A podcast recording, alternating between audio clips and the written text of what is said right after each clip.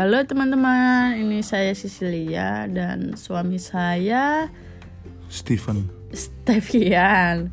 Kita di sini nganggur sih, pengen sharing-sharing aja gimana sih, Di mana emang kita di mana? eh, gimana sih kehidupan eh, di Bali saat pandemi. Nah, ini sebenarnya kita juga masih baru sih di sini, masih berapa bulan dari November ya. Oh kalau iya kan kamu dari November, aku dari Oh iya. tiga tahun. Jadi kan kita menikah November terus saya pindah di Bali ini dari November Dari sedangkan sidoarjo. sedangkan suami saya udah dari dari kapan sih 2018 2018. ya Oh, dua udah di tahun. Bali. Nah sebelum sebenarnya sih eh, awal-awal sih masih belum ada pandemi ya dari November Desember Januari Februari. Mungkin mulainya tuh Maret mungkin ya. Maret mulai ada gempa. Eh bukan gempa sih apa sih? Gempar di Indonesia masalah pandemi. Dari Januari itu yang paling terasa nggak ada turis Cina. oh eh itu Februari nggak sih? Januari udah kerasa. oh ya mungkin eh, mungkin ada pembatasan ya. Terus Februari udah mulai pembatasan ya turis Cina masuk Maret masih bisa pergian tapi berkurang turisnya. Hmm, ya mungkin eh, dari pemerintah juga udah mulai eh, melakukan berbagai cara ya untuk menghambat lajunya corona ini Terus April udah mulai habis. Tempat wisatanya nggak bisa dipergiin lagi. Ya kayak gitu. Terus eh, kalau mau track record sih sekarang eh, di Bali sekitar 557 ya penderitanya dan yang sembuh 300 300 berapa 300-an lah. Hmm, bi- bisa dibilang sih cukup eh, lambat ya penyebarannya daripada kota lain dan juga pen eh, yang sembuh juga banyak lah lebih dari 50% daripada penderita Padahal kita ngerasanya di Bali lebih parah dulu ya daripada di Surabaya. Dalam arti masyarakatnya di sini lebih ramai di mana-mana. Ternyata ramai itu cuma di daerah tempat kita tinggal. Kalau di desa-desanya ya sepi, sepi ya kalau di ya sini sih terbatas. hmm, dibilang mungkin juga lagi waktu itu lagi musim panas ya jadi mungkin kan ada kata-kata peneliti kalau musim panas eh, virusnya terhambat atau gimana. Tapi di sini juga eh, orang-orangnya kita kan tinggal di Denpasar ya.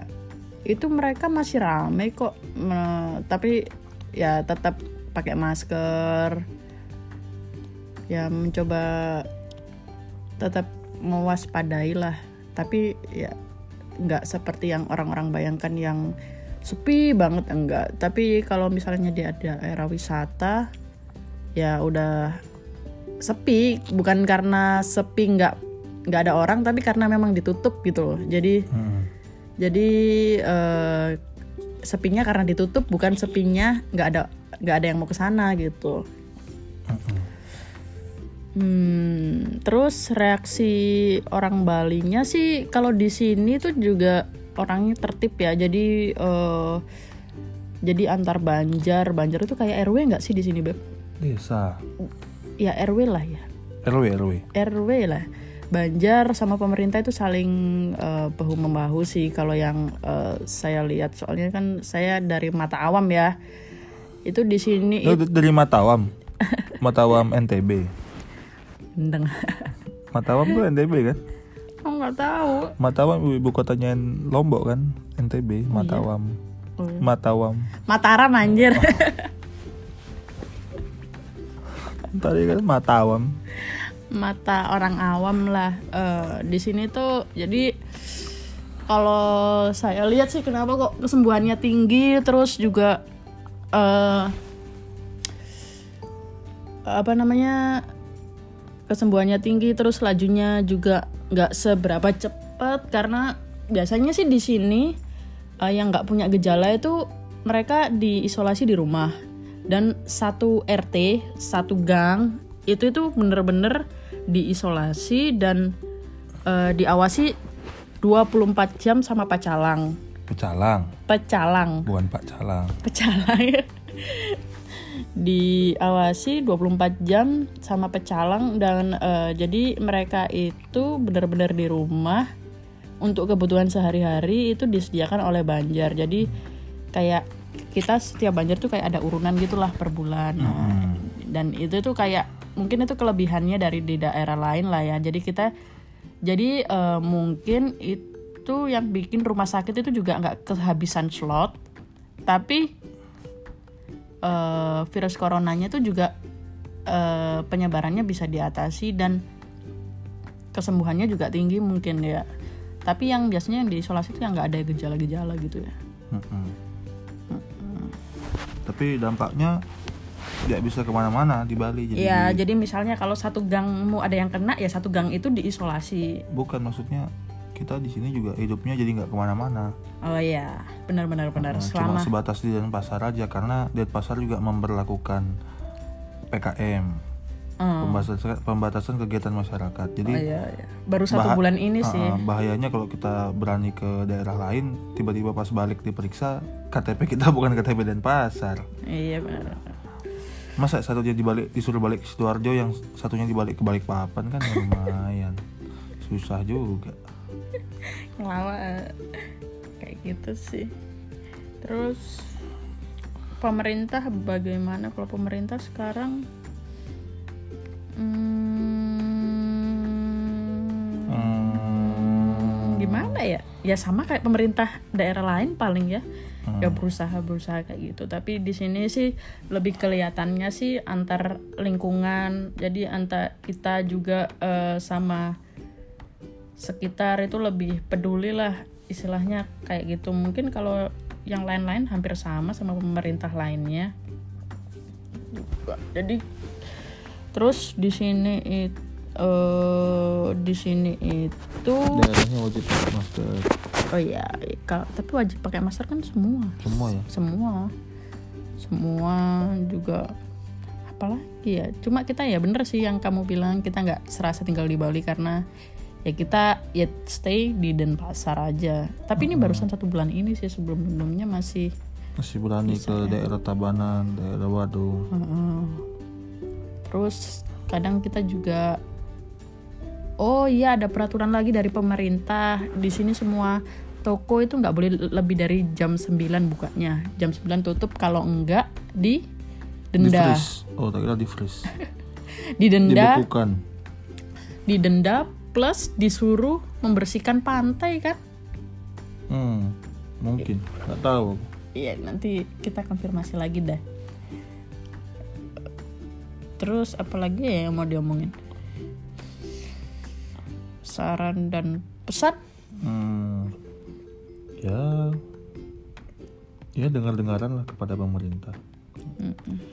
Bukan pemerintahnya sih. Saran yang baik lah buat mengatasi corona. Mungkin Jangan jangan bebal lah, jangan suka berkumpul di keramaian gitu. Mm-mm. Kalau kitanya masih kayak gitu, vaksinnya belum ada ya sampai lebaran monyet ya gini-gini terus. Mm-mm. terus ya mungkin kita harus eh, mungkin eh, di daerah lain harus misalnya kayak RT RW juga memberlakukan sama lah kayak di sini jadi eh, misalnya kalau yang pasien tanpa gejala ya itu mungkin bisa di rumah saja daripada di rumah sakit gitu tapi tetap diawasi 24 jam Sama sama siapa? Pak Calang. Gak, ada Pak Calang. ada security atau ada Pak RT ada mungkin Duit karang lagi. Karang Taruna yang ya yang nggak tahu lah ya Kiring mungkin tirini. Ya daripada rumah sakit penuh dan akhirnya tidak menghambat kesembuhan juga kan akhirnya kayak gitu Karena kalau meng- karena kalau meng- mengharapkan new normal kita jalani seperti normal ya nggak bisa. Berarti Bali kan pariwisata, out, out ekonominya. Sedangkan kalau masih new normal, virus coronanya masih ada, kan ke bandara harus menjalani swab test. Bayangin swab test tuh PCR ya PCR. PCR biayanya paling kecil 1,8 juta kalau nggak salah. Belum sama tiket. Jadi kalau misalnya PP harus ke Bali dari Surabaya atau dari Jakarta aja contohnya mungkin bisa habis 8 juta 7 juta buat tiket aja. Jadi kan 5 juta lah 5 juta lah ya 5 juta itu udah berat banget maksudnya siapa yang mau ke sini nanti kan sedangkan industri di Bali cuma pariwisata nggak ada lagi selain pariwisata dan pertanian mungkin Mm. jadi ya ya, ya harus Ya semoga vaksinnya harus kompak diketemukan. sih harus gotong royong.